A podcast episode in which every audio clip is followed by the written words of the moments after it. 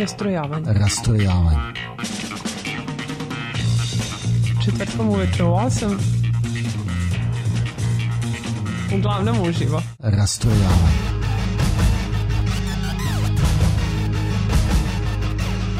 U 8 sati. Rastrojavanje.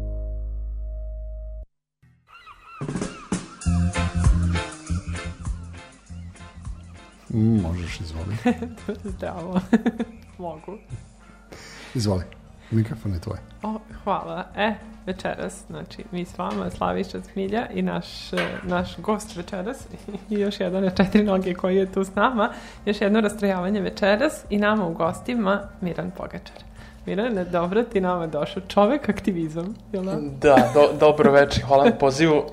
Molim, hvala tebi što si se odezvao da nam budeš gost. Ja nešto onako pričam koji zbureta ovaj, i odzvanjam sebi. Čekaj, e, ali... smanjimo gain, aha. Malo, ne treba mi geja, tako da to za Daška ostavi ujutro.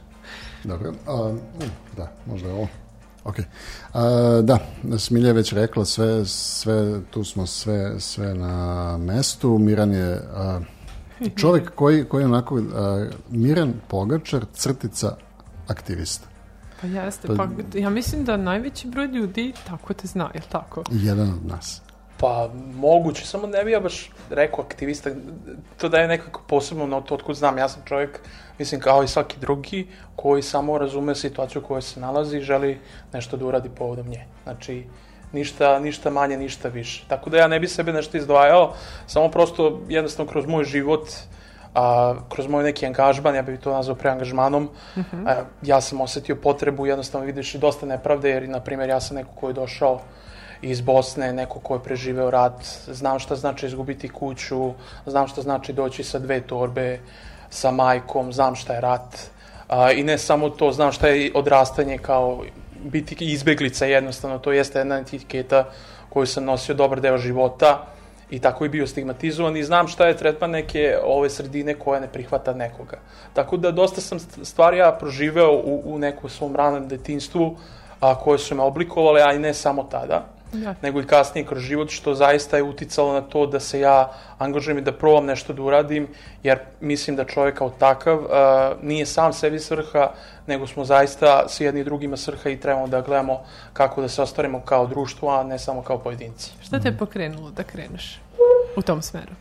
Pa, to se negde dešavalo dosta ovaj, nekako i sa obrazovanjem i do, ja sam verovao u principu nekako univerzitet i u neku A, dakle, studirao sam filozofiju, dosta se posvetio tome, ali sam tokom studija shvatio da to je samo sebi svrha i da jednostavno ne vodi nigde.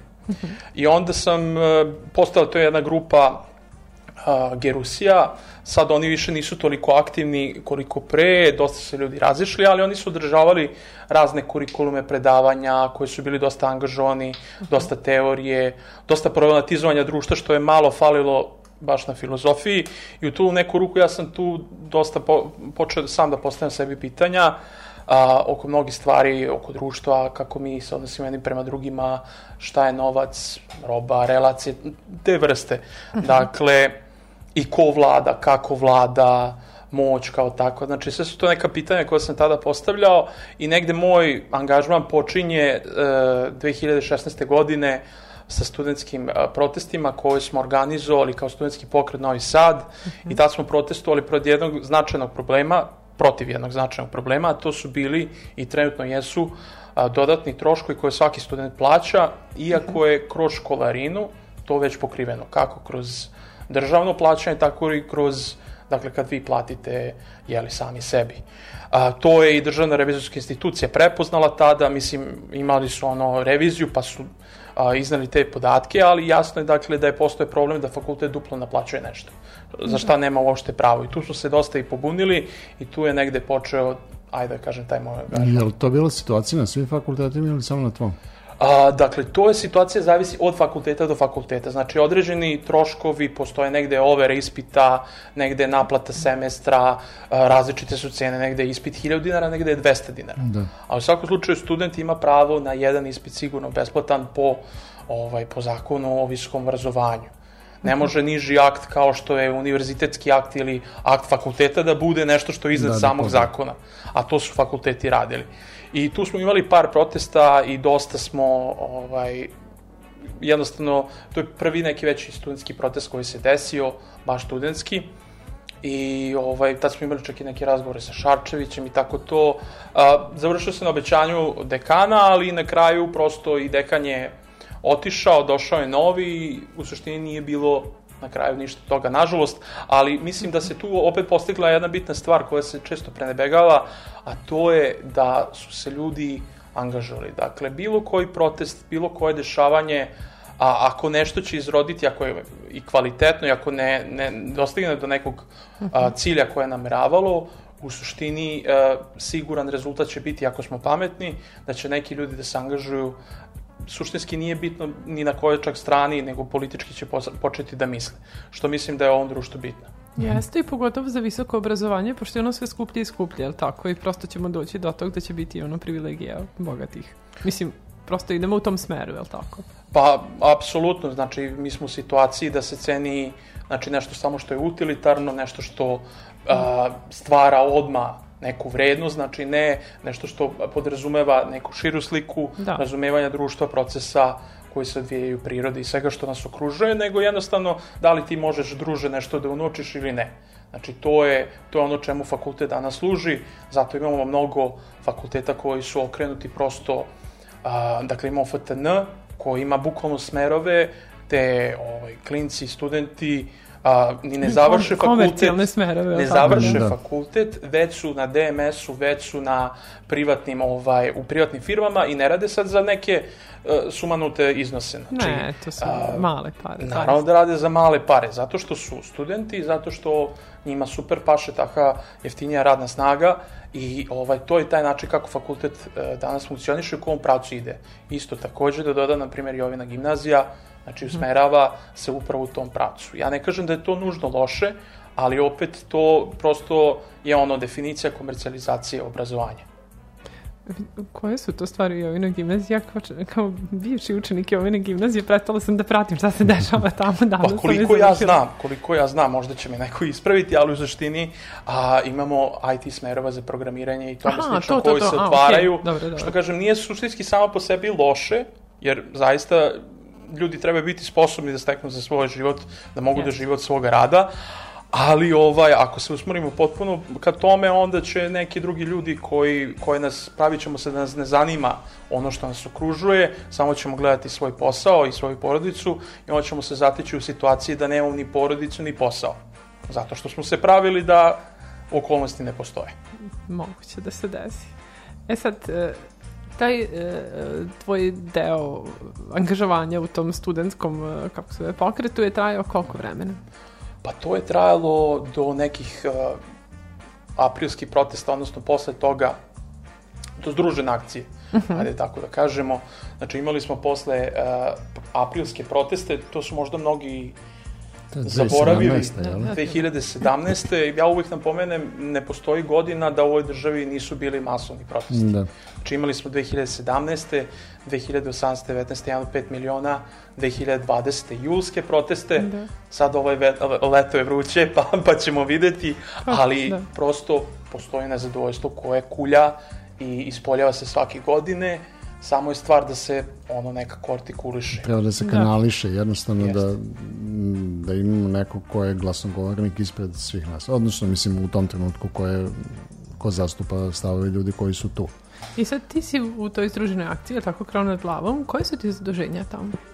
Mislim, ili imaš nešto što bi se nazvalo zaduženje ili nešto što bi trebalo da bude kao tvoja uloga Ja, tamo? čisto da objasnim ljudima, verovatno većina i zna šta je združena akcija Da, Krona glavom, znači ali o, združena akcija Krona glavom je upravo nastala iz tih aprilskih protesta, jer ljudi su prepoznali kad su završili protesti da je potrebno nekako da se angažuju, već se okupila ta neka grupa i to je bilo u Beogradu, malo je kasnije nastalo u Novom Sadu. Združena akcija u principu ima prvo i osnovno za cilj a, da jedini dom bude izuzet iz e, prosto a, da ne postoji mogućnost da jedini dom bude oduzet. Znači određena e, svako ima pravo na jedan dom i to mora da se poštuje i ovaj to bi trebalo da se uvrsti u zakon i to je prvi i osnovni a, zahtev i iz tog nekog principa mi polazimo i u borbu protiv izvršitelja i celih Da, tih htela reći, situacija da. koje se dešavaju, sve ono što ljudi vide, dakle, snimke, slike, znači to nije To je nijedna jako strašno, stranka, da.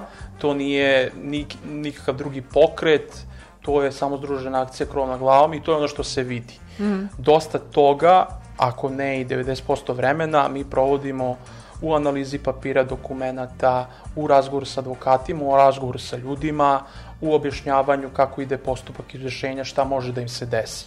Znači ja dosta toga obavljam u smislu da imam uvid u papire, da razgovaram i sa advokatima i sa ljudima, da ovaj, uvijek se trudim da napomenem uh, prosto ljudima kojima se to dešava kakve okolnosti mogu da ih snađu, da ih pripremim u slučaju da se nešto loše desi, da, da im bude lakše, da, da ne bude ovaj, na- u neku ruku iznenada. Dobro, da, ali da is- istovremeno im daš do znanja da postoje neki ljudi koji su tu da pokušaju da, da neki način probaju da, da te neke stvari spreče, je li tako? Jeste, jeste. Znači, združena akcija, kad govorimo o aktivizmu, to ste nam spomenuli, dobro, to je nešto što kruži, odnosno kao reč, označitelj. Da. A, dakle, združena akcija ne želi da bude grupica a, ljudi koji se bune eto tako, nego združena akcija treba da bude jedan vid organizacijonog tela koji pomaže ljudima koji su u problemu, da budu solidarni jedni e, sa drugima. Da. E sad samo jedno pitanje. Kad si rekao da imate jedan tim ljudi koji, e, koji treba da obavljate neke razgovore sa advokatima, da, ne znam, prispitujete tu dokumentaciju i sve, da li imate, mislim, stručnih lica za to u smislu zaista pravnika ili neko ko je upućen u tome šta, šta je zakon, mislim, šta, šta, koje su zakonske odredbe i čisto onako neko ko bi na neki stručan način mogao da pregovara sa drugom stranom. Evo ovako, dakle, što se tiče samog postupka izvršenja, znači to je suštinski najčešće problem. Ima tu raznih pitanja oko banaka i oko zelenaša, e, zavisi ko je poverilac, ali ovaj postoji taj zakon o izvršenju i obezbeđenju koje mi poprilično znamo, prosto imamo tu situaciju da neko, na primjer, ko je u postupku 10 godina, ko se sudi, bolje zna uh, svoj slučaj i svoju situaciju i dokumenta i zakone od samog advokata. Znači, to je često situacija. Mi imamo dosta iskustvo uh, u tome, u radu i uvek napomenemo da ja nisam stručno lice, da nisam advokat, ali prosto, ako sam imao više situacija koje su slične, ako poznajem zakon, ako poznajem kako se dešavala i odigravala situacija, onda mogu da dam uh, ne, neke, neke savete. To je jedno. A druga stvar je a, praksa izvršenja i kako izvršitelj radi to nije uvijek po zakonu, ne bi ni bili ovde da je sve Da. to tako kako treba, iako je zakon kriminalan. Jeste, i jako su potresni ti snimci i mislim sve ono što sam mogla da vidim do sada i mislim da e, verovatno pored e, dosta vas pretpostavljam da vas ima u tome, ali to ću pitati nakon pretpostavljam da imate i dosta tih pasivnih pri, pristalica, tako da kažem ovaj, zato što mislim ljudski Ljudi je koji te- stoji da sa ti- strane je- i jednostavno podržavaju vas. Da, mislim, ljudski je da ti odreaguješ na tako nešto, zato što, mislim, ne možeš biti ravnodušan prema tako nekoj situaciji, onom što se dešava nekom, jer, mislim, nažalost, živimo u takvoj državi da može da se desi svakom sve, ali tako, svakog momenta, nažalost. A uh, koliko članova broji? A, zavisi kako se posmatra. Znači ima, ima e, kako kada aktivnih. Dakle, aktivni kad kažem to je neko ko radi na dnevnom nivou, ko je baš uključen u organizaciju, ali ima dosta ljudi koji dolaze na iseljenja, na akcije, na proteste, na neka događanja. Znači, mnogo je veći broj ljudi koji dolazi, a u organizaciji sad zavisi ako uzmemo, imamo Suboticu, Beograd, Novi Sad, tu ima sigurno 50-60 ljudi koji su uključeni u to aktivno. A broj i mislim da je sigurno oko 200 ljudi, ako ne i više, koji su tu Cirkuliš. Simpatizeri, i simpatizeri koji dolaze na pojavljuje, neka da. dešavanja, a širi krug, ono, pasivni simpatizera broji se hiljadu, dve, tri, možda, ne mogu ni, čak ni da procenim. Zaista veliki broj ljudi koji gleda to i jednostavno ne može da, da, da, da, ono, da ne osjeti makar i neko saosjećanje. Meni je iskreno najgore, ja verujem svima nama koji učestvujemo u združenoj akciji, to kad gledam a, iseljenja, ja nisam tu. Znači, meni je mnogo lakše kad sam tamo, kad se nešto dešava, jer znam da mogu nešto da uradim, ali ovaj, ta situacija i bespomoćnost koju osjećam, kad gledam te ljude koji su u problemu, dakle, to je baš ovaj, užasan osjećaj, mogu da zamislim nekome ko nije ni u mogućnosti nekad da ode ili tome slično, a ipak gleda to jednostavno, dosta, dosta je to loša scena mi to zaista želimo da promenimo, pre svega tako što bi obezbedili ljudima jedini dom, jer ja mislim da je to bitno, da je ne? jedna od najbitnijih stvari koje bi trebalo da se promeni u ovoj zemlji, da je bez obzira na dugovanja, bez obzira na nečiju materijalnu situaciju, da a, time što ćete im oduzeti dom, da nećete nikome pomoći, da ćete odmoći dakle, tim istim ljudima, Jeste. da će država njih oterati u dužničko ropstvo, jer šta se desi ljudima? Prodaju im imovinu, prodaju im kuću, stan, šta god, šta imaju, a, oni ostaju najčešće sa dugom koji ne mogu da vrate i onda su u suštini zauvek u tom dugu, jer kamata ide i to Da. je bukvalno dužničko ropstvo koje ne prestaje do kraja njihovog života I nasleđuje se. I nasleđuje se. Sve zavisi ako neko nasledi imovinu ili ovaj dugovanje. Znači, ne mora da se nasledi nužno, ali ovaj suštini, kažem, dakle, do kraja njihovog života oni su dužni, šta im god le- legne na račun, to će biti a, konfiskovano. Da, jeste. I pre pauze, evo samo, 061 156 8860. Pa postavljajte pitanje. Još se to.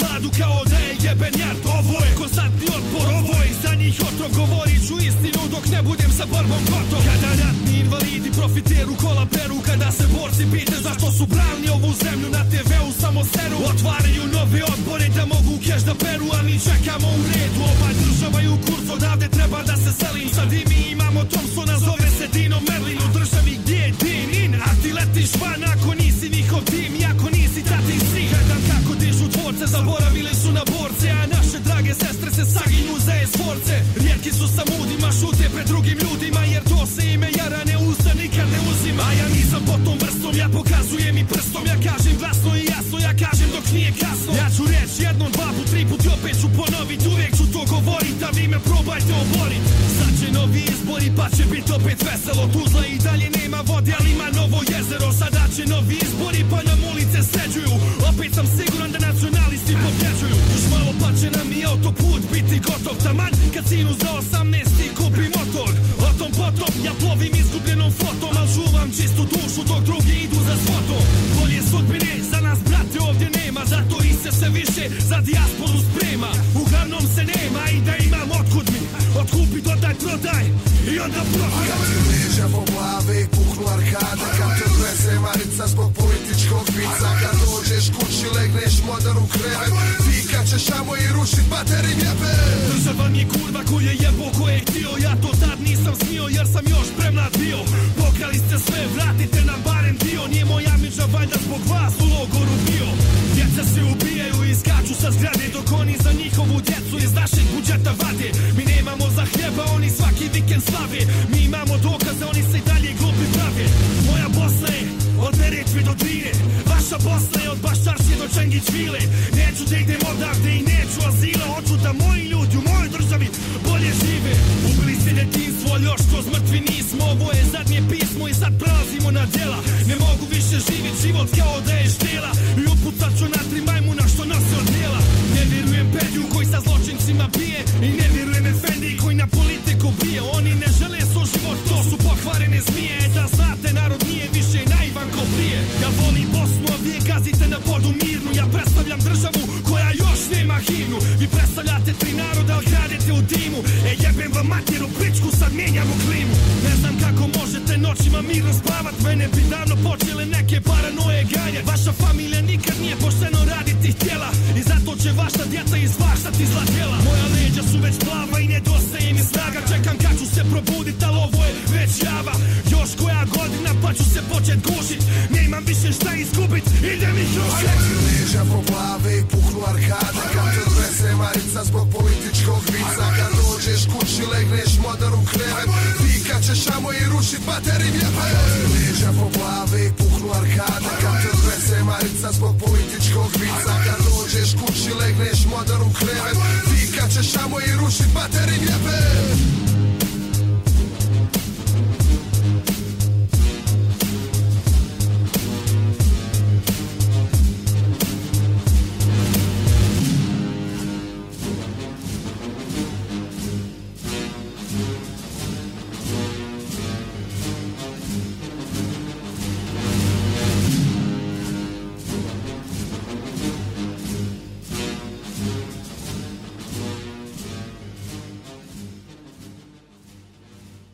Slušate, kako se on zovete?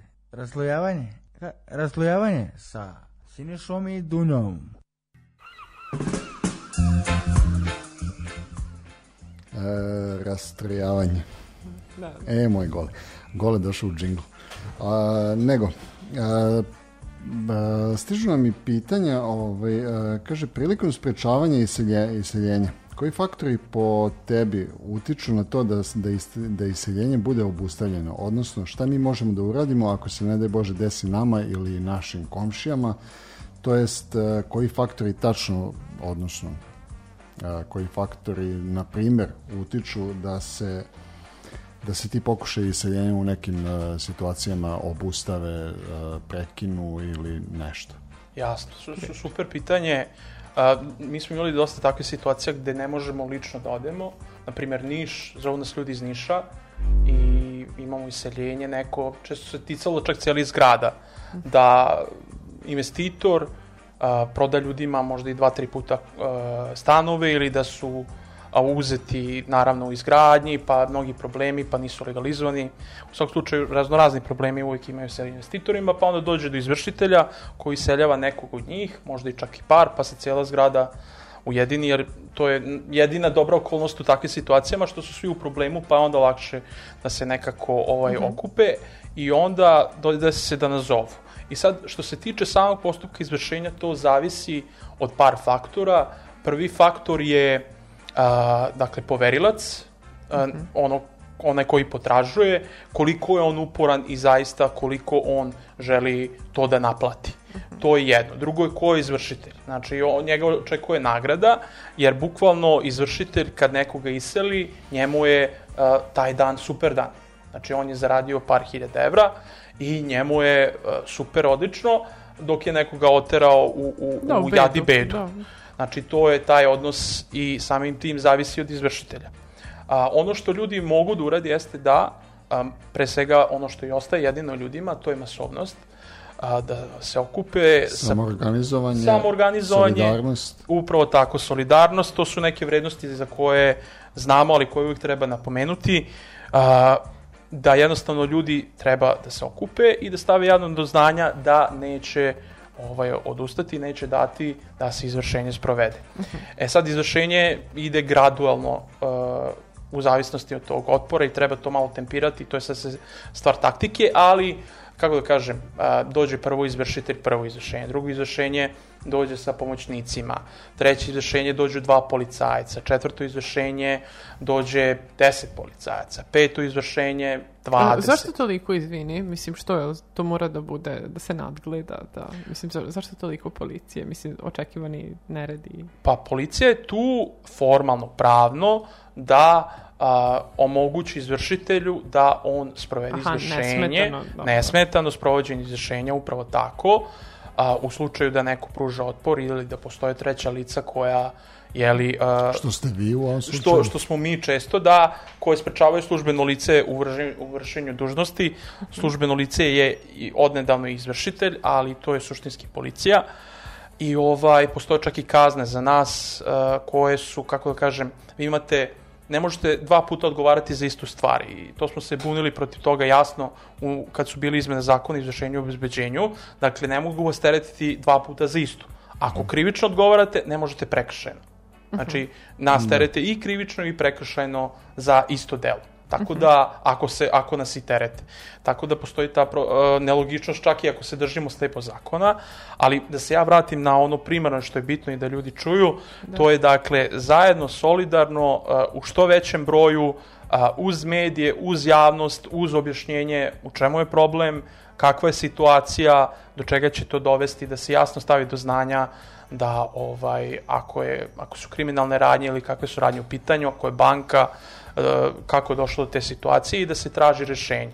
Znači pritisak javnosti i na, na ovoga poverioca i onda postoji mogućnost da se o, o, izvršenje i odlaže na dru, duži period i da se nađe neko a, du, dugoročno rešenje. Jeste kad- uspeli u nekim navratima da to Kako, sprečite? kako kad zavisi. E, najčešće to je, to je problem što a, kod izvršenja, znači milion pregleda ima neki klip, video gde žena hoće da skoči usled situacije ili neko hoće da se obesi. To, nažalost, ljudi vole da vide.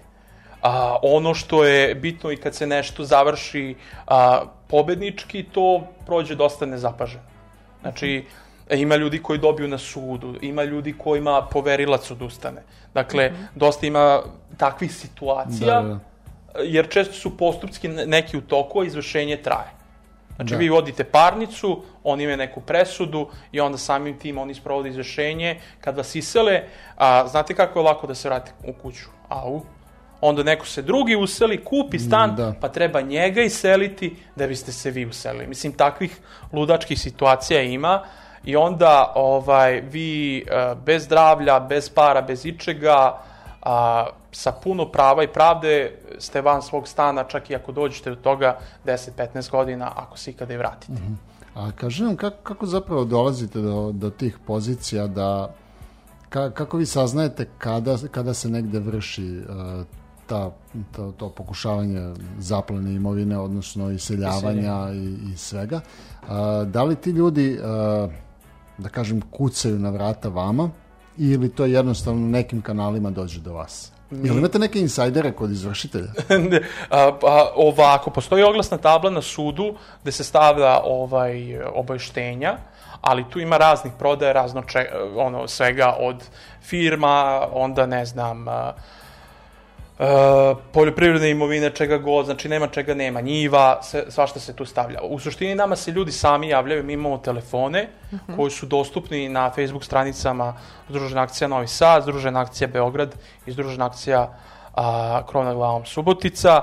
Dakle, imate tamo broj telefona, možete kontaktirati i mi prosto jednostavno svojim delovanjem ljudi znaju za nas. Dakle, Da. dosta ljudi, prijatelja kaže ako je neko u problemu, vidi sa njima da li možete da, da, da li mogu da ti pomognu i moram da napomenem a, ono što vide ljudi da mi radimo, dakle jeste to delić i to je delić slučajeva koje smo mi obradili, ali nije da mi preuzmemo sve. Znači nije da mi prihvatimo sve i svašta da branimo, nego zaista ispitamo pre svega nečiju materijalnu situaciju, da li mi branimo nekoga ko ima desetine hiljada evra i ne znam, dva, dva tri stana. Ne, naše prvo i osnovno pravilo jeste da neko ima jedini dom. Znači branimo jedini dom, ne branimo ako neko ima drugi stan, drugu kuću, ne znam ni ja i tome slično.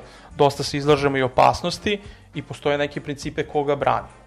Dakle, to je ono što je u suštini, ako je neki kriminal, nešto što nam je dosta sumnjivo, mi nećemo to uzeti da, da, ovaj, da stanemo iza toga. Jer nam je bita reputacija i nemamo baš mi pravo, tako reći, da se okliznemo, da, da se lako prevarimo, jer možete vi 200 puta biti u pravu, ako jednom pogrešite, to je, do, dosta vas dovodi u pitanje. Jeste. A kaži mi sad, e, e, koliko se ljudi vama jave, da kažem, na, na vreme? Ja pretpostavljam da oni dobijaju neke rokove, jel tako? Jel se desi da sad da vam dođe ono u poslednji čas i da vi ne stignete da uradite vaš deo, da se ne pripremite za to ili... nažalost, e, dosta ljudi, s obzirom da nisu upoznati kako e, radi pravosuđe, da, da prosto veruju ponekad da ako zažmure da će problem da nestane, Da, da, u da. posljednjem trenutku zovu i mi imamo takođe jedno pravilo prosto iz prakse da ne radimo od dan za dan. Dakle, ako nas neko zove sutra, mi zaista ono mogu da nas mole, ali mi ne radimo dan za dan. Znači, Mhm. moramo da pregledamo dokumentaciju, moramo da vidimo o čemu se radi, moramo da popričamo sa ljudima i za to nam treba određeno Pa da, vi vreme morate bi- imati argumente, to stoji. i argumente i da stiču, prosto da stanemo iza tih ljudi. Ne možemo tek tako da branimo ljude. A, mi apelujemo konstantno da nam se ljudi što čim pre jave. Da. Dakle, čim pre da bi mogli da sprečimo mnoge situacije, čak i da ne dođe do iseljenja, da, ovaj, da, da se ne krene u to uopšte ako je moguće, da utičemo preko javnosti na poverioce, na zavisi ko je u toj situaciji, dakle da iskoristimo neke, neke ovaj mogućnosti koje imamo, da bi to usporili, ako ne i zaustavili. Da, da. Neću pitati najpotresnije, mislim sve je to potresno, ali je bio neki lep slučaj da ste uspeli da sprečite, da stvarno pomognete nekim ljudima da, da, da im se ne desi to što, bi, što je bilo skoro izvesno. Pa sad ja, sad kad razmislim, to jeste teško pitanje, zato što sve te traje a, godinama. Dakle, ako imali smo slučaj ovoga, u Beogradu, sad nedavno, kad je bio, sad sam, sad sam i zaboravio ime čoveka, ali bilo je to kad je hteo da se obesi a, pukovnik. Ono je vojno lice, da, da, pukovnik da, da, Lalović, da. sad se setio. A, dakle, pukovnik Lalović, e, njega su Beograđani, znači ja nisam učestvovao u tome, ali sam zdušno podržavao celu tu situaciju, branili godinu i po dve, čini mi se. I to je bilo a, bukvalno da se danima, da se ovaj, da je bila straža. Da. Znači, straža, s obzirom na situaciju, ljudi su ostali po, čak i po mesec dana u njihovom stanu, na smenu naravno. A, I to je sve zahvaljujući samim ljudima i njihove odlučnosti. Koliko su oni odlučni da se suprotstave, toliko ćemo mi biti spremni a, da zajedno s njima se borimo. Ako sami ljudi nisu spremni, a, ne možemo mi tu mnogo da pomognemo i da se borimo umesto njih. Dakle, nije to samo, kako da kažem, opet da se vratim na ono, nismo mi neki aktivisti koji su tako zaluđeni, nego zaista vidimo jedan ozbiljan društveni problem koji Da. treba da se re, reša na ozbiljan način, ali bez tih ljudi koji su a, direktno uključeni i koji su direktno u problemu, a mi kao takvi a, sami nemamo Jednostavno mnogo... nema, nemate ni, ni svrhu, ni, po, ni ni da. potrebu u nekom, ovaj, Da. mislim, Apsolutno. Dakle, ne možemo- ne možete možemo vi da, bez bor, ljudi. da, bo, da, da bijete tuđe bitke, jednostavno da. Ovaj, tu, Upravo ste, to. tu, ste kao, tu ste kao podrška, podrška, tu ste kao neko ko, je, ko ima već iskustva u tim, u tim akcijama Tako i onda je. neko ko jednostavno može da ih usmerava kako to sve da se odigra. Da. Tako da s te strane te ovaj, apsolutno ovaj, razumem. A sad ja da te pitam kao sad moram da kažem aktivista, e, ti onako u, u ili neko ko se, ko se zalaže da se rešavaju neki e, društveni problemi, onako dođe po, po nekom tako nepisano pravilu kao da si odmah kao ono neprijatelj naše, naše države. Ko, koliko si ti osjeć, kako se osjećaš ti po pitanju toga? Imaš ono takav utisak? Pa, Koje su ti bila loše strane aktivizma? Pa ja ne mogu da kažem da, da sam doživio neke sad ne, velike neprijatnosti ili ne znam. Mislim, osim što sam bio hapšen, nešto malo bio u zatvoru, ovaj, Kakav je nam A. fin čovek da, da, da. Osim toga, ga. Da, da, da, ali sve je uzrokovano ovim stvarima. Dakle, ja sam dosta, kako da kažem, drastičnih stvari preživio u životu ovako inače, nego s obzirom na tu neki taj politički angažman. A, tako da ne mogu da kažem da je sad bilo nešto, neki velike neprijatnosti, osim nekih pretnji, ne znam ja. Mislim, tako da to su Da, da, da. sastavne stvari koje čovjek očekuje. Ali, s druge strane, ako radite pravu stvar, a, ako vas ljudi podržavaju i ako jednostavno ste sposobni da iznesete neke stvari, a, tu je i ta javnost koja je kakva takva je, nije velika, ljudi to sad preteruju da je to, ne znam ja, da svi to gledaju, ali to je dosta manji krug ljudi nego što je zaista jeste, koji posmatra ove stvari i gleda šta se politički dešava u Srbiji, ali čak i takva javnost e, dosta utiče na to da ste zaštićeni. Znači, najgore je, ja moram da kažem, nekome ko je u nekom selu, u nekom manjem mestu, takvi ljudi dobije batine, njima dižu kolo u vazduh, pale kuće, znači sve smo to viđali. A, ja imam tu sreću i okolnost jednostavno da sam neko ko je u gradu, ko, ukoliko bi se desila takva neka situacija kao što smo imali sa Daškom, kao što smo imali a, sa Mihajlom i Markom ka- koji su izdružene akcije, koji su bili pretučeni, dakle ljudi će reagovati i neće to tek tako proći. Dakle, Da. to su neki incidenti koji se stalno dešavaju oko nas, ali u gradu kad se dešava, u Novom Sadu, Beogradu i većim gradovima, ne prolazi tako lako. Tako da ja mislim da sam donekle s te strane ovaj privilegovan, ali kažem, sve te neke neprijatnosti, uslovno rečeno, to je nešto što se očekuje i treba čovjek da bude spreman na njih, ako veruje u prave stvari i ako misli da nešto promeni. Pa da, ali verujem da nije lako istrajati, jel tako?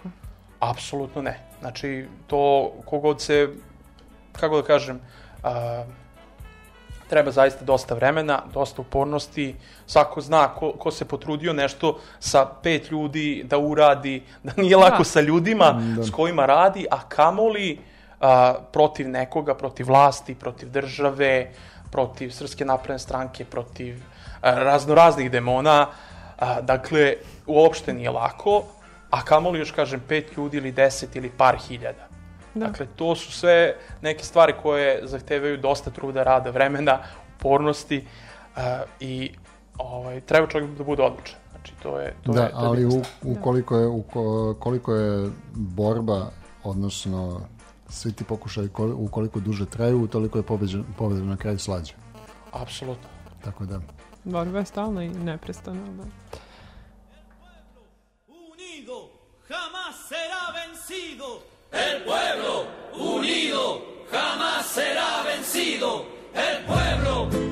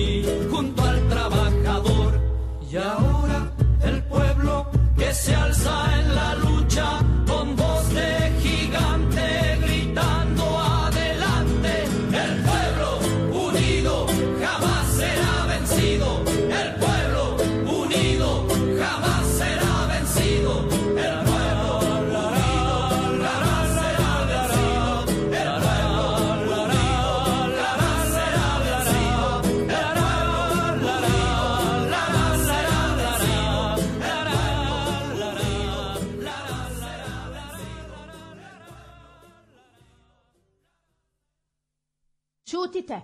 Ne budite rastrojeni, slušajte rastrojavanje.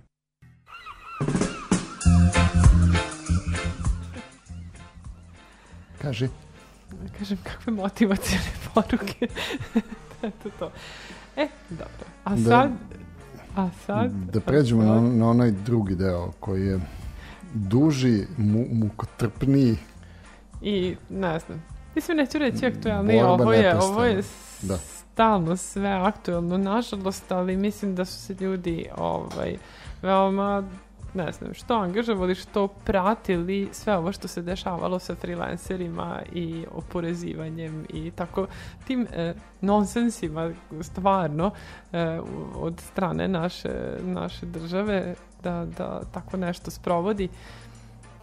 Ajde, molim te, ispričaj nam malo o tome. Mislim, mi znamo da je došlo do nekih kao krajnjih pregovora sa vladom, jel tako, i da su Jasno. donete neke odluke, ali ajmo malo da napravimo onako jednu hronologiju kako je, kako je to ovaj, krenulo, razvijalo se Pa ovako, dakle, to je iz krenulo... tvog aspekta, Da, ne da, da, nas što čitamo to kroz vesti, pratimo jasno. kroz portale. Uh, pre svega, ja sam za taj problem negde ne mogu da kažem bio svestan, ali a, postoje situacija u Bosni, ona je krenula negde 18. 19.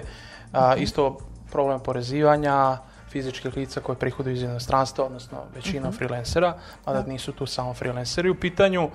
A, dakle, imali smo tu situaciju, da, da takva situacija se dešava 2020. u oktobru, I već sam tad negde ranije, pre godinu dana, smatrao da potrebno neko da se ljudi organizuju, ali ljudi se organizuju kad postoji neki problem, neko dešanje, mnogo lakše da se okupe, jel?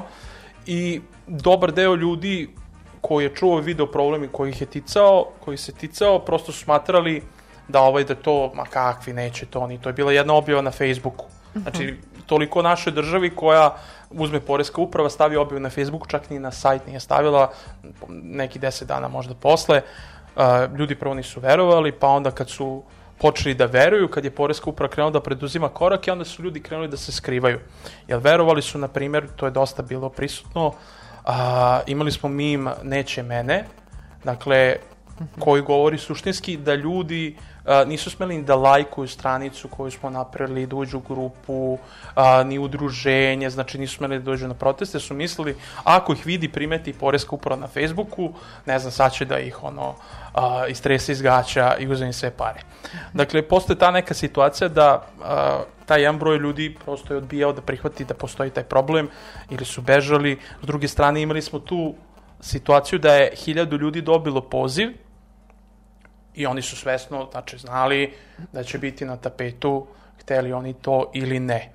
Tako da angažman ljudi, s obzirom na ono što smo mi uradili kao, kao udruženje od početka, jeste da smo napravili jedan od najmasovnijih protesta, ako ne i maso, najmasovniji protest u Srbiji ikada, po konkretnom problemu. Dakle, a, nije bio opšte prirode, nego je bio krajnje specifičan, ticao se jedne određene grupe ljudi a, i tu je bilo neki 6-7 hiljada u januaru po minusu, nula je bila ili minus, mi smo uspeli da napravimo takvu kampanju u roku od 15 dana da izvedemo toliki broj ljudi na ulicu, što nimalo nije lako, s obzirom koja je grupa ljudi u pitanju. Dakle, Da. to su ljudi koji, uh, jedan određeni deo zaista jeste angažovan i zna probleme i tu je u zajednici, deluje nekako na svoj način da je doprinos, ali s druge strane dobar deo tih ljudi koji se bave freelancingom su sa strane i ne učestvuju toliko u društvenom životu. Tako da smo uspeli donekle i da angažujemo te ljude. A, da li neki rezultati konkretno jeste da a, mi smo imali pregovore, imali smo taj čuveni zahtev a, ništa pre oktobra 2020. ali to je bio a, zahtev koji je bio zvaničan zahtev, koji je bio pregovaračka pozicija, a u okviru udruženja na sastancima smo razgovarali o crvenoj liniji, odnosno o nekom minimumu ispred, ko, ispod koga ne bi išli. I Sad sad, je bio taj minimum. Pa minimum uh, se zaista menjao s obzirom na situaciju, jer uh, jednostavno uh, broj ljudi, ono što vlada radi, uh, dosta se menja. I mi smo nekako imali podršku u tom trenutku članova udruženja, one koji su dolazi na sastanak, da prosto ne iznosimo, a, nego da neki 30-40 ljudi koji aktivno učestvuje, a, donekle ima uvid u taj neki pregovarački, jeli, pregovaračku crvenu liniju. Dakle, nismo iznosili javno, ali smo imali neku sigurnost da jednostavno može to da procuri i da nam a, bude problem u okviru pregovora. A, mi smo uspeli, dakle, s obzirom na tu boru koja je trajala 6-7 meseci, konstantno svaki dan, a ja mislim da a, nije bilo dana da nismo bili u novinama. Znači, bukvalno, računali smo negde tri po četiri članka smo imali po danu. Znači, da, da novine objavljuju. A, mediji su konstantno pisali i to nije slučajno. Dakle, mi smo na tome radili da taj problem i to pitanje postavimo kao jedno od najbitnijih u tom trenutku, barem za naše društvo i našu državu. I ja mislim da smo to zaista i uspeli. A, takođe, dakle, uspeli smo da četiri puta pomerimo vladu po pitanju onoga što oni predlažu kao rešenje. Dakle, oni su konstantno pod pritiskom, pod a, protestima, pod a, medijskom tom, jeli, pažnjom pomerali, pomerali, pomerali. I onda u suštini kad su poslednji put pomerili, odnosno treći put, a došli smo u situaciju da imamo jedan i prvi osnovni pritisak, to je donošenje zakona, to je jedno. Dakle, zakon kada se donese, teško ćete vi šta promeniti. Izmene zakona su bile u pitanju, a druga stvar je bila koja je veoma bitna, to je da dobar deo ljudi sa tim prethodnim rešenjem koje je vlada donela a, je prosto odustao ili barem bio demotivisan da se dalje bori jer jednostavno bili su zadovoljni. Znači, vlada je, kako da kažem, izašao susret jednom određenom broju ljudi koji su rekli, ok, to je meni ok, ja Koja ne je to moram više bila da se odluka bunim. da bi se neko zadovoljio njom? Pa to je, uh, dakle, oni su negde oko 400, uh, ja mislim oko 500 evra, možda nešto Mislim manje. da je tako, da, na to iznos negde, da. bio koji, sad ne znam tačno u evro, a na mesečnom nivou ako je neko zarađivao ne mora ništa da plati. Da, da. Mada ima ljudi koji sa većim iznosima koji bi rekli ok, to mi je ok, nekako ću izgurati. Mhm. Jeli? Ali kažem, dobar deo ljudi koji, to su inače neki, neka visina prihoda standardnih, mislim prosečnih, Mhm. oko nekih 60-70 hiljada po nekoj našoj statistici, a, da ljudi zarađuju i onda je to dobar deo ljudi koji su jednostavno bili obuhvaćeni time i nama je ostao taj prostor s obzirom na donošenje zakona i tu situaciju da mi poboljšamo situaciju još za nijansu.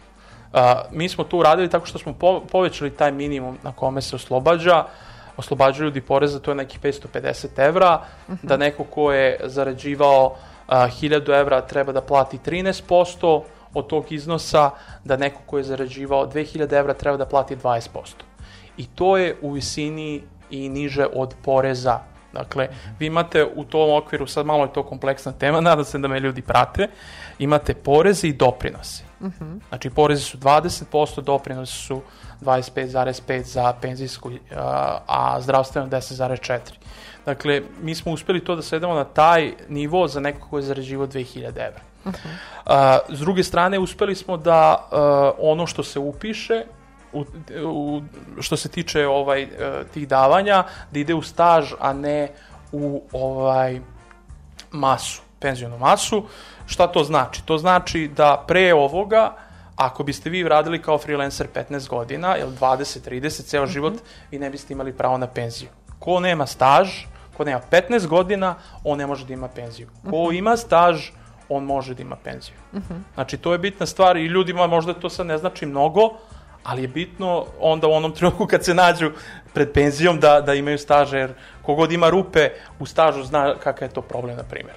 Dobro, dobro, to da, to, to se slažem, ali um, sad kad si rekao kako, koliko je to smanjeno za te um, određene platne razrede, mislim, to znači ne postoji jedan isti način na koji se obračunavaju, već je to tako u zavisnosti od toga. Mi smo brdo puta, znači svaki put e, smo naglašavali da mi smo protiv platnih razreda i smatrali smo da treba tretman da bude podjednak za sve, bez obzira na visinu prihoda, barem je to bio stav i to su ljudi podržavali, mi smo se za to borili, ali ovo što je suštinski doneto, to je država radila. Znači svaki ovaj korak, kako da kažem, nije nešto što smo mi sami odlučili, niti mi imamo toliku moć da, da ovaj državu, kako da kažem, prinudimo, a, nego je to suštinski država, odnosno vlada, odnosno Ana Brnabić, Siniša Mali i ta ekipa, oni su to donosili i odlučivali.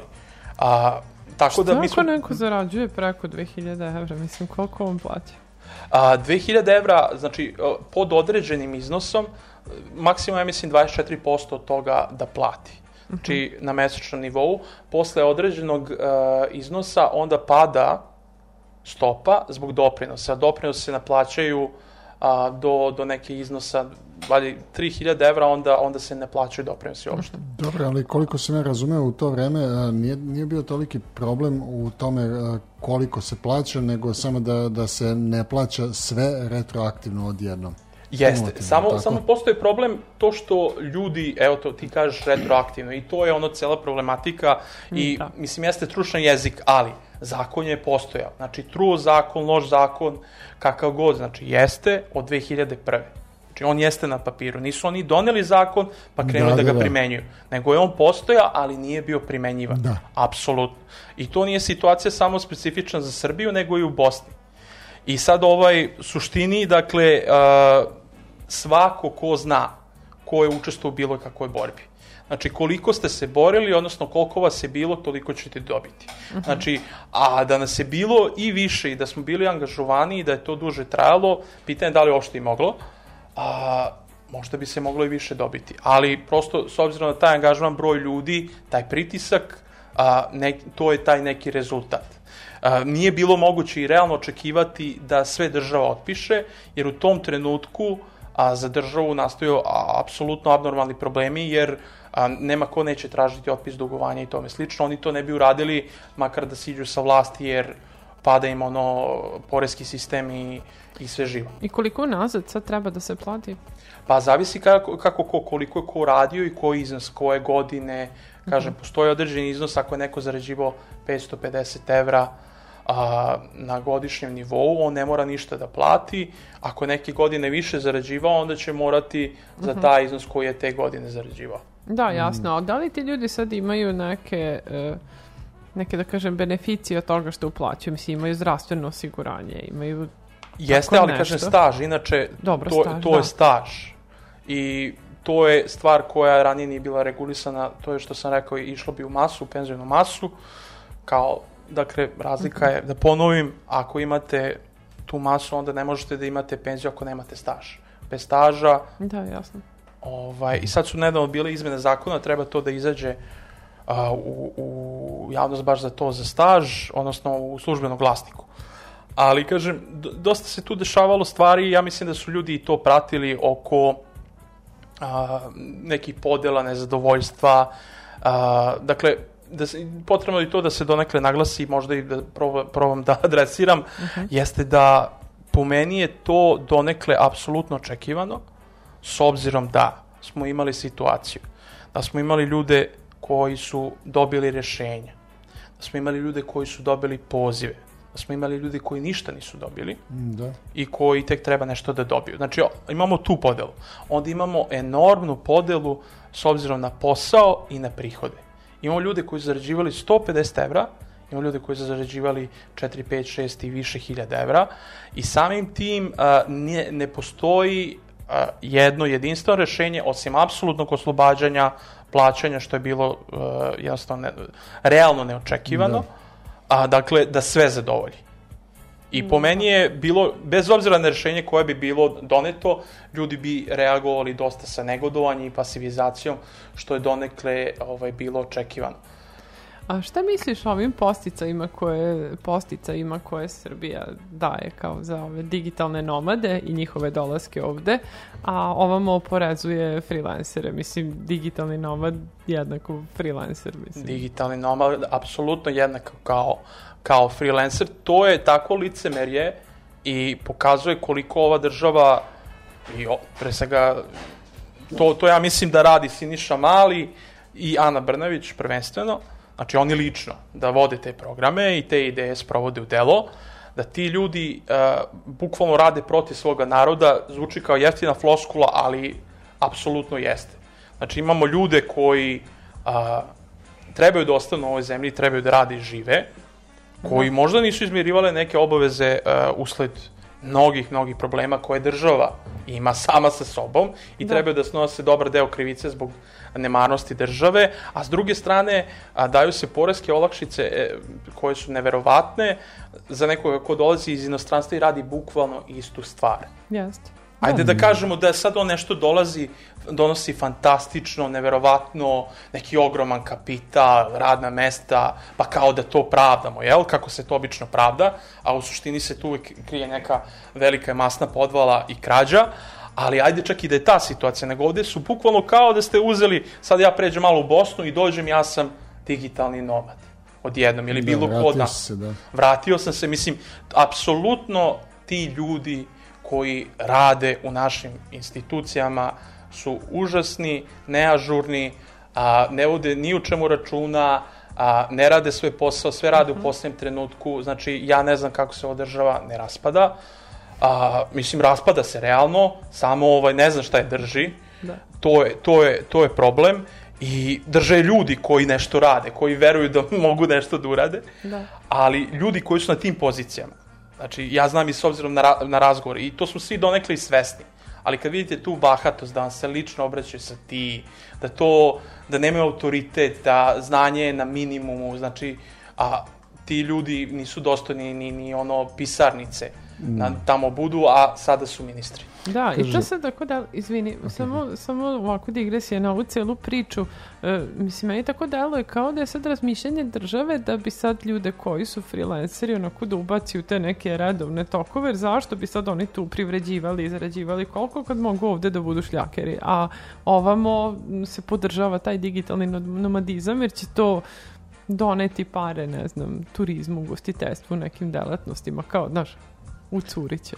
Kroz nešto. Ja mislim, ja mislim što se tiče to je donekle poreska politika ili ovaj ajde da kažemo financije, uh, ali suština je u tome da jedino što se podržava jesu velike kompanije koje imaju uh, Veliki profit. veliki profit, koji sarađuju, koji su, dakle, da li, su, da li je to brat Adane Brnabić, da li je to Andrej Vučić, dakle, oni su tu ili vlasnici, suvlasnici u ovu ruku ili onu, ili neko drugi ko je sa njima, znači, takva se, takve se firme a, i preduzeća podržavaju, to je to je ovaj suština, dok e, ljudi koji samostalno radi, koji su razjedinjeni, kao što smo mi bili, ali mi smo svi po kućama, dakle, nemamo mi, kako Da, da, da. kažem, ili negde u kafiću, nije ni bitno, dakle, nismo mi zajedno i nas je bilo i teško okupiti.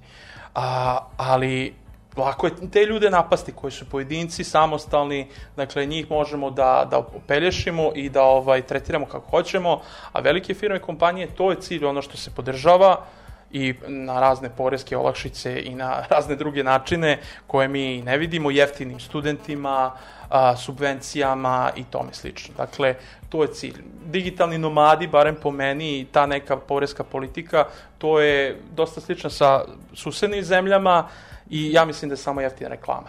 Mm, jednostavno, da.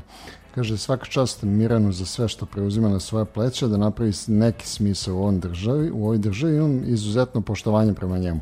E sad, pitanje je kako se on nosi sa tim, kako se čovjek koji, koji je sinonim za rečenicu neću da trpim nepravdu, kako uspevaš da ostaneš pribran, e, staložen, na kraju krajeva motivisan. Dobro, to je neko pitanje ovaj, koje, koje ja donekle postavljam sebi, ali kako da kažem,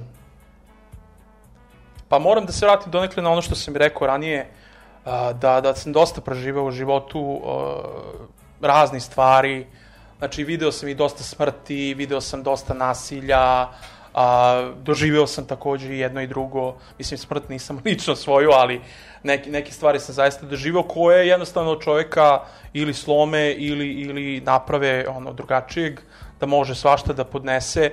A, ja jednostavno kad se nađem u situaciji koja je dosta riskantna, dosta dinamična, da, da će nešto se dešava sa različitim ljudima, to je neka situacija gde ja zaista osjećam da, da mogu razne stvari da uradim i spreman sam. Znači, Da. spreman sam. Nisam, nisam u obez glave, ali hoću da kažem da, da zaista umem da reagujem u tim situacijama i da sam dosta reagovao i da to nije lako. A, ali što se tiče motivacije i toga, pa kako da kažem, a, ja sam ušao nešto iz čega se ne izlazi. I ovaj, to je stvar, ako je neko angažovan i ako je neko a, političko biće, ja mislim da svi jesmo i da treba da budemo, a, suštinski e, on to nastavlja da radi. Bez obzira na situaciju, bez obzira na okolnosti, a, ono, da ne budem sad previše ovaj patetičan i po cenu života, Dakle, zaista, ako verujete u neke stvari, u bolje društvo, u bolje sutra, da ljudi sami to mogu, dakle, ne tiče se, ja ne mislim da pojedinci kao takvi mogu nešto da urade sami po sebi. Znači, to gledamo već decenijama, da imamo određene ljude kojima se veruje, koji su svemogući, koji su velike vođe i tome slično. A, apsolutno sam protiv toga, ali donekle razumem situaciju da se samo to donekle nametne, da ljudi se sklanjaju, da prepuštaju, da meni se često desi situacija da nema ko drugi. Dakle, u nekoj situaciji a, ljudi izgube volju, a, nisu slobodni i tome slično i onda ja moram da preuzmem odgovornost, ali neću da dozvolim da nešto propadne, propadne ili da se ne desi i onda tu se može činiti da neko želi zaista da se, da se istakne. Ali ja mislim da, da to nije suština ni mog angažmana. Ja lično zaista to ovako kažem, ja se nadam i da, da se to donekle i vidi, da želim ne samo ja da tu budem bitan i da figuriram, nego želim da i druge ljude i osposobim i pomognem i angažujem koliko god je to moguće. Dakle, Koliko, koliko to prepoznaješ u ljudima oko sebe?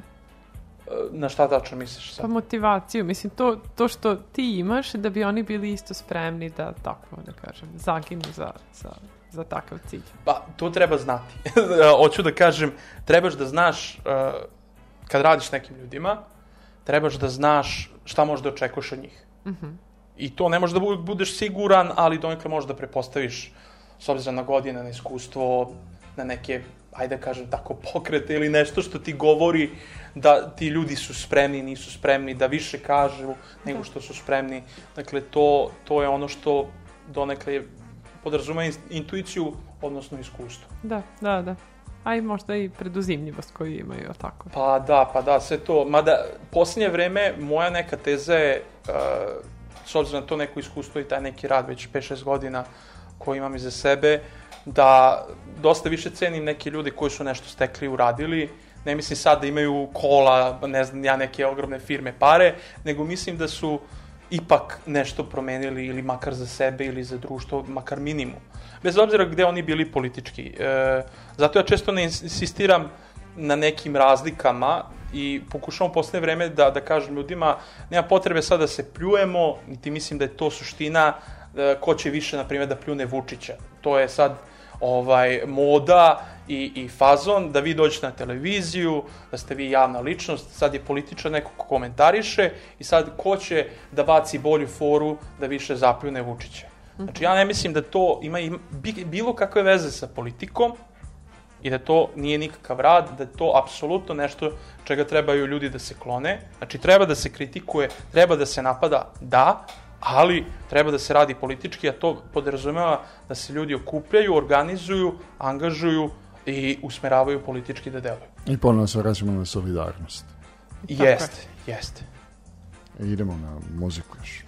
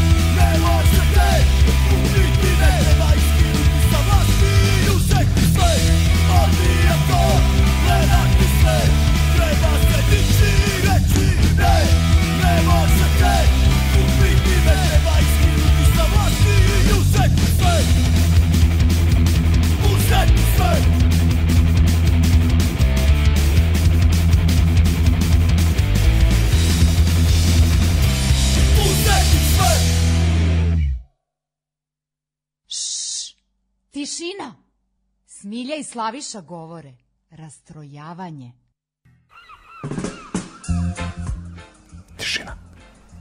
Tišina dolazimo do i lepih stvari koje su se da, desile. Mislim, u suštini, e, ka- kad pogledamo zdravorazumski, sve ovo što, što Miran priča večeras, sve to s neke strane a, lepo, a, s tim što a, iziskuje zaista mnogo truda i odricanja i na kraju krajeva čuli smo i motivacije koja ti ne manjka, a sad zaista dolazimo do nečeg što onako e, neki cilj ko, kom svi jeli, težimo i onda je sad na nekom malom nivou, na niskom nivou došao, da kažemo, na naplatu ili kako da, da se izrazim, No, a, stvarno. mesne zajednice. Da. Kako bi ti prokomentarisao ovo sa što se desilo na Limanu? Uh, pa ne samo na limanu.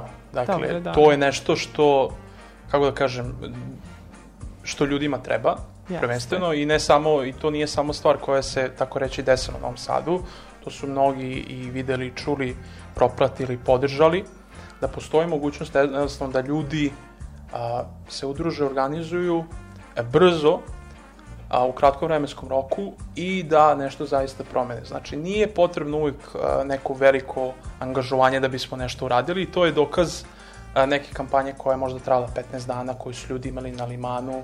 Ali Ko- bukvalno 15 dana. 15 dana, koja nije ni bila i sami to kažu, znači ja ću malo njih ponoviti, a dakle, koja nije nešto bila, ne znam, a, preterano jaka, čak ni na ono, Facebooku i ostalim Da. mrežama, a, jer su smatrali da to ne treba sad toliko da se potencira. Možda pri kraju je bilo, zahvaljujući kao i uvek a, slepcima i SNS-a, koji bukvalno rade protiv sebe. Znači, njima bi mnogo bilo bolje da nije Andrej Vučić dolazio, da ovaj nisu ćelaci ovaj, u džipovima obilazili komšiluke, da ta ekipa nije dela na taj način, da nisu ono, uzimali ljudima slike, stavljali na flajere i tvrdili da su iz nekih stranaka. Dakle, svaki taj korak vlasti, i to je nešto što uh, treba znati umeti, treba iskoristiti. Znači, svaki put kad oni napadnu, i to poprilično, moram tako da kažem, glupavo, uh, nevešto, a, treba iskoristiti i prosto preuzeti inicijativu i udariti im kontru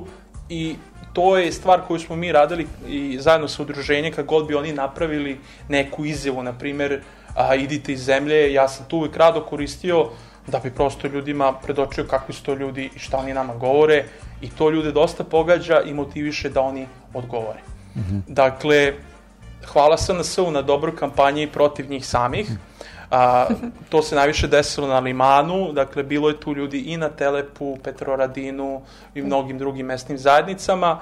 I to što se desilo na Limanima je, ja bih rekao, neka mogućnost, a, potencijal, A, dakle, mesna zajednica, čini mi se, ili bilo koja institucija u ovoj državi, zato što je takva, takav sistem, a, nema moć odlučivanja, niti ono donošenja bilo čega, osim dakle, određenih ministara, prvenstveno Vučića. Znači, oni, oni suštinski odlučuju, to u Skupštini prolazi kao dobar dan. A, svi ostali bukvalno samo posmatraju sa strane. Ali, jedno veliko ali, a, svaka ta institucija koja se preuzme, e, bila to mesna zajednica, bilo to prvi podpredsednik, sećamo se toga prvi podpredsednik, znači apsolutno nepostojaća pozicija, ona može da figu- figurira jako moćno, ako su ti ljudi koji su tu sposobni da nešto urade sa tim. Dakle, ako su sposobni da deluju u svom okruženju u okviru mesne zajednice, ako su sposobni da ukazuju na probleme i da okupe ljude koji se tiču ti problemi prvenstveno oko, oko dakle, komšijski, dakle, mesna zajednica se bazira na tome da li je to izgradnja garaža, dakle, to je dosta doprinelo a, na limanima da ljudi izađu na te izbore zato što su postojale neke ranije borbe koje su proizvele ljudi i komšije su bili svesni da su to neki ljudi koji su možda i učestvovali ranije u nekim stvarima, ali da ta neka grupacija tih ljudi uh, koji su da li izašli na izbore, da li gurali druge, da su oni zaista nešto što zaista i treba podržati i dobili su tu podršku i to je velika stvar za Novi Sad, ali s druge strane hteo bih da kažem da ne treba ni preterivati. Dakle, a, treba se pobede, čak i te male pobede treba slaviti, ali s druge strane, malo kad prođe vreme, treba stati i sagledati da li je to nešto sad veliko ili tek može da bude. I koliko je dobro na dugoročnom planu. I koliko je, da, upravo to. zapravo svi, svi negde polažemo nadu da je to dobro u, toliko što će neki drugi ljudi da shvate da može da se samo da mogu da se jeli, samo organizuju i jedina stvar koja meni recimo nije jasna a, Liman mi je ja- jasan onako sam po sebi Liman je mislim urbano naselje gde su gde su sve zgrade i ljudi su jednostavno lakše ime da se izorganizuju. A, Telep ne znam Banatić Petrova Radin, sve to nešto što malo je teže bilo izorganizovati, zato i jeste, ni- nije toliko ljudi prošlo.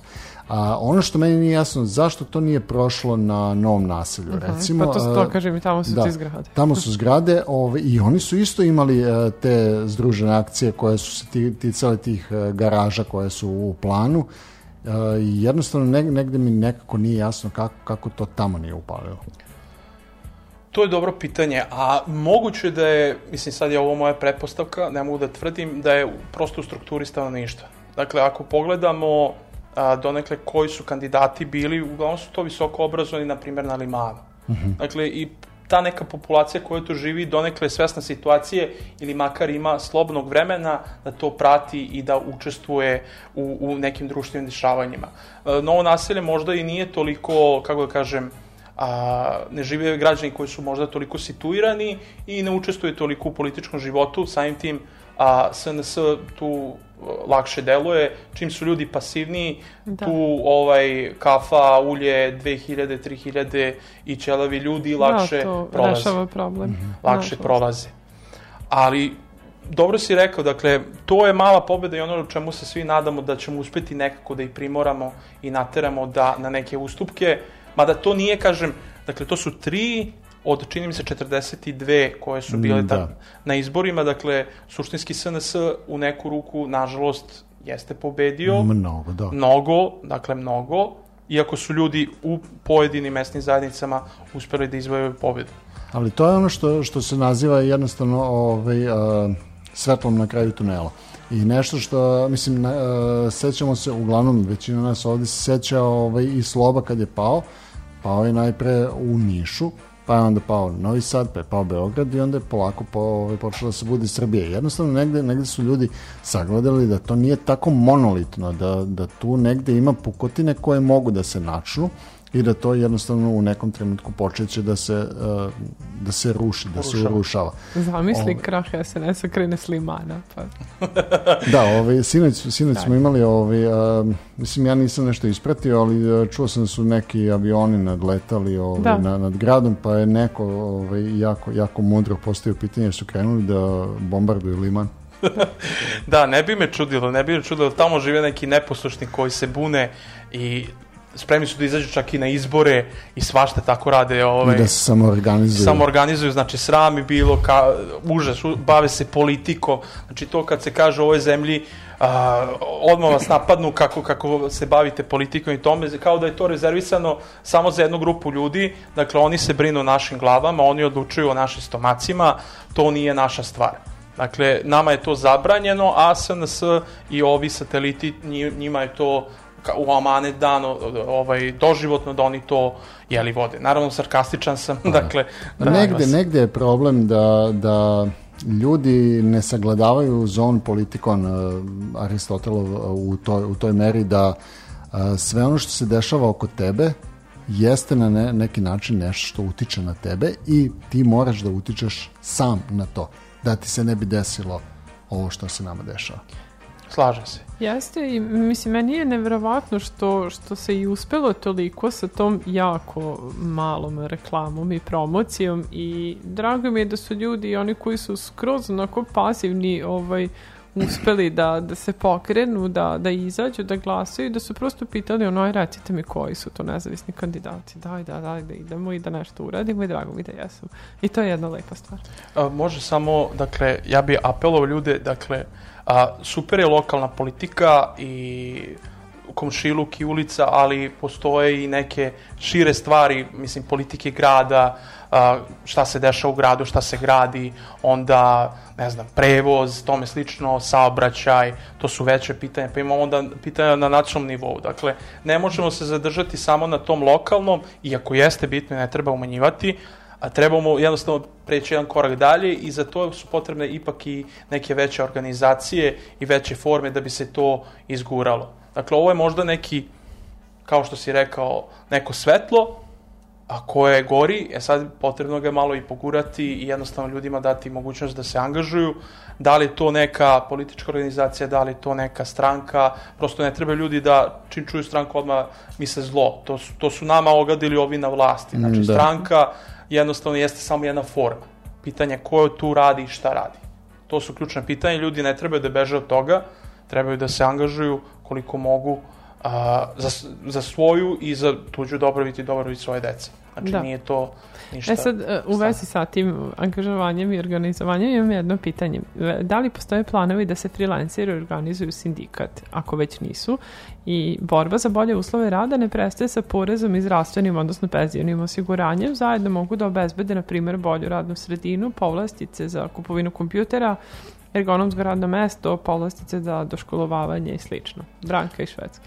Branka i Švedski. Hvala Branka. A, apsolutno se slažem. Znači, ovo što smo mi e, jednostavno imali taj gorući problem i to je dosta se ljudi ticao, ta oko poreze, doprinose, ti neki pitanja, to je, to je ono što smo radili i čim, s čime smo se borili, ali ostane nam mnogi drugi problemi i mnogi stvari koje želimo da rešavamo.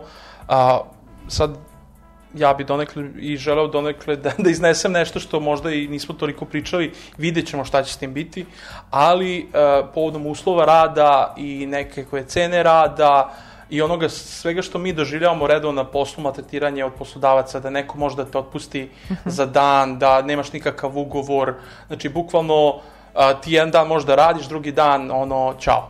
A, da bi se to promenilo, čini mi se da je potrebno i da tu imamo neku mogućnost da se prave neke platforme za rad, a, slične, dakle, raznim drugim platformama koje postoje, ali suštinski da se organizuje na drugim principima i da a, nema nekoga ko uzima profit, da ne postoji taj pojedinac koji se tu ili grupica koja se ovaj koristi od te cele situacije, nego da ljudi koji tu rade zaista mogu da odlučuju na toj platformi kako ona funkcioniše, a, šta se tu dešava i da ono što a, dakle svojim radom zarade i dobiju. Ne da odvajaju polovinu ili više, što se dešava dobrom delu ljudi koji rade. Dakle, pokušat ćemo da napravimo platformu za, pre svega, freelancing, ali e, i za predavanje i odnosno podučavanje stranih jezika. A, vidjet ćemo kako će to ići, to ništa nije lako. Znači, od ono pitanja firmi, poreza i tih nekih pitanja do, do ono ljudi, do a, ne znam, a, Kvaliteta odnosa. kval, kvaliteta, znači ima tu milion stvari koje su jako bitne i koje moraju dobro da se postave, a na tome ćemo da radimo, to je neka budućnost borbe i ja mislim da niko, da niko nama samima n- neće ništa da da, tako ni ova država, niti ovo društvo, da mi moramo sami da se izborimo. Pa da. Ova platforma je u neku ruku, odnosno ta ideja o pravnoj platforme jeste upravo to.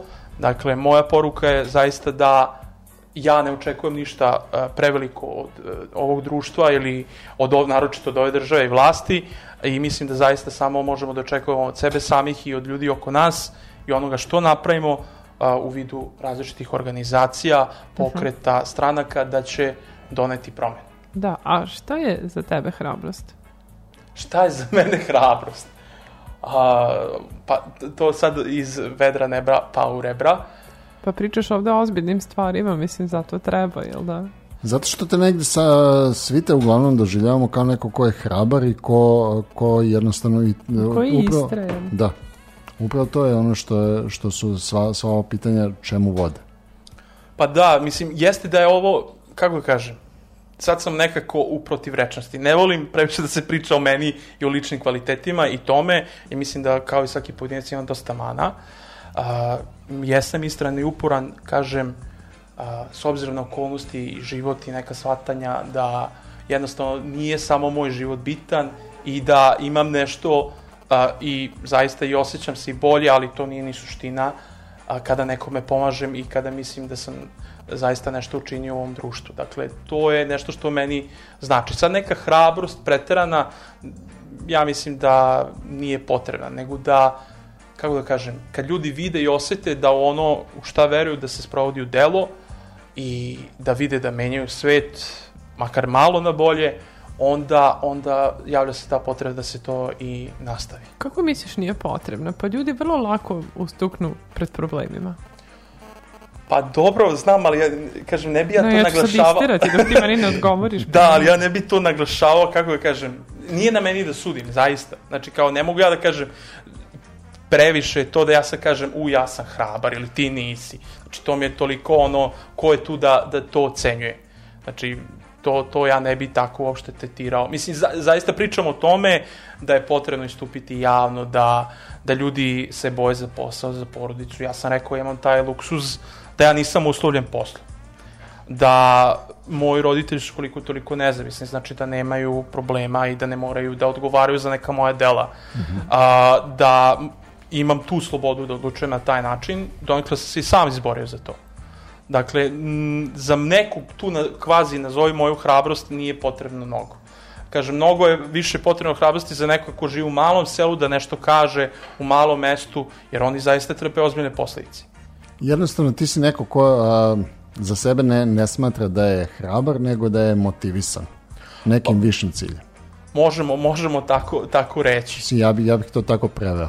Može donekle, mislim, ja zaista verujem u, u drugačiji svet. Dakle, u svet gde ne vladaju ovakvi odnosi, pre svega gde novac nije primaran, gde imamo bolje odnose jedni između drugih, jer svi znamo kad novac dođe u pitanje, bez obzira koliki je, da on stvara problem.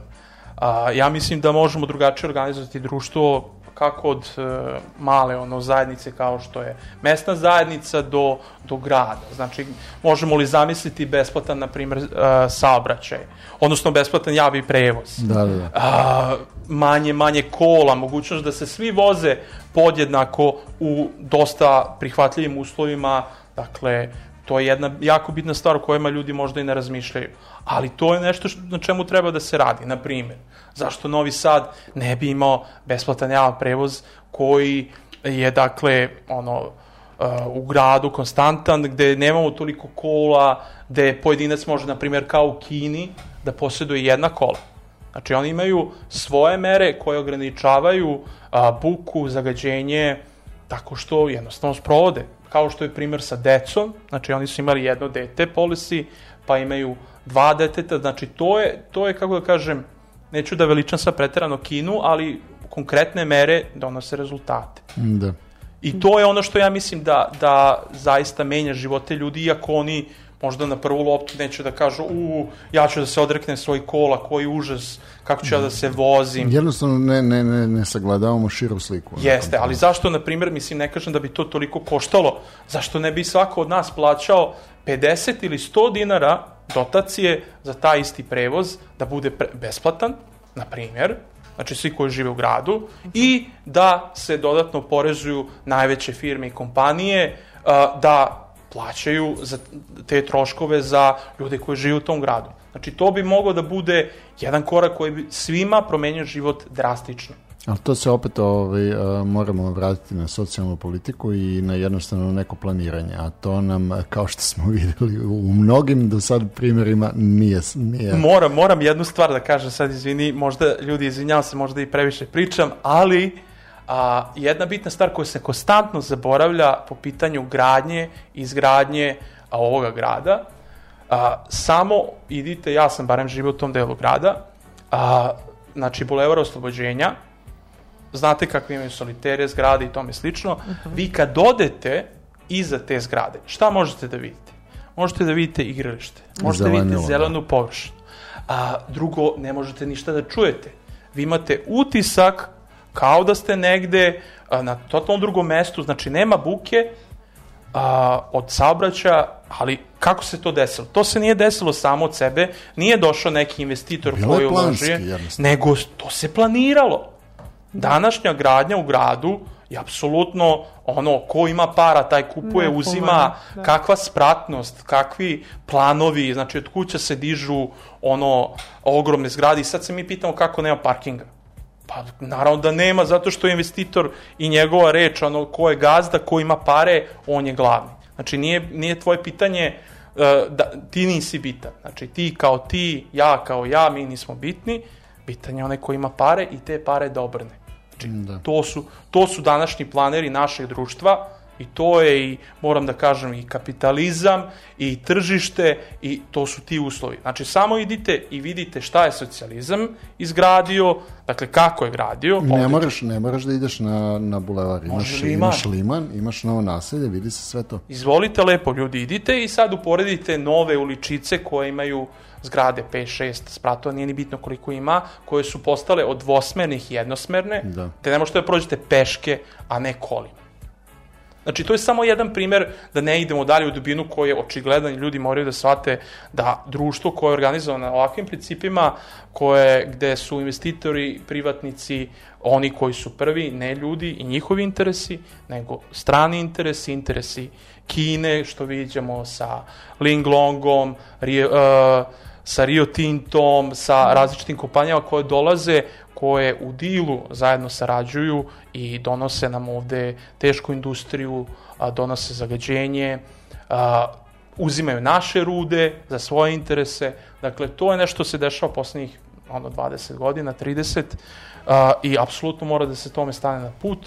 Da li je put od mesne zajednice da se vratim taj put, ja bih voleo da jeste, ali ljudi moraju da razumeju zaista kao da nije samo njihova zgrada u pitanju i to šta se dešava, nego da sagledamo tu sredina, širu da. sliku, da vidimo kako je bilo i kako je moguće. Da, da, Za, zapravo možemo da, da parafraziramo Armstronga, mali korak za čoveka, ali veliki za čovečanstvo, da. Da, jeste. Zvuči i, moćno. Jeste. I s ovim bismo mogli lepo i da, da završimo za danas, a ovaj, i to tako što smo dobili neke silne pozdrave iz Švedske i za tebe jednu jako lepu poruku da je kaže Branka da si ti za nje, nju e, simbol solidarnosti, odlučnosti i hrabrosti što je inače u velikom deficitu u Srbiju.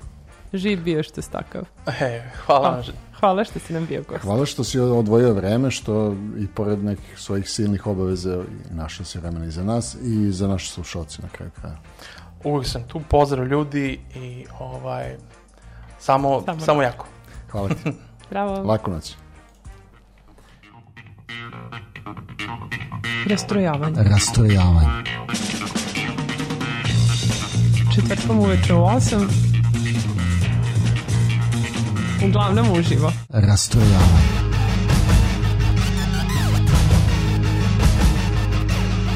U 8 sati. Rastrojavanje.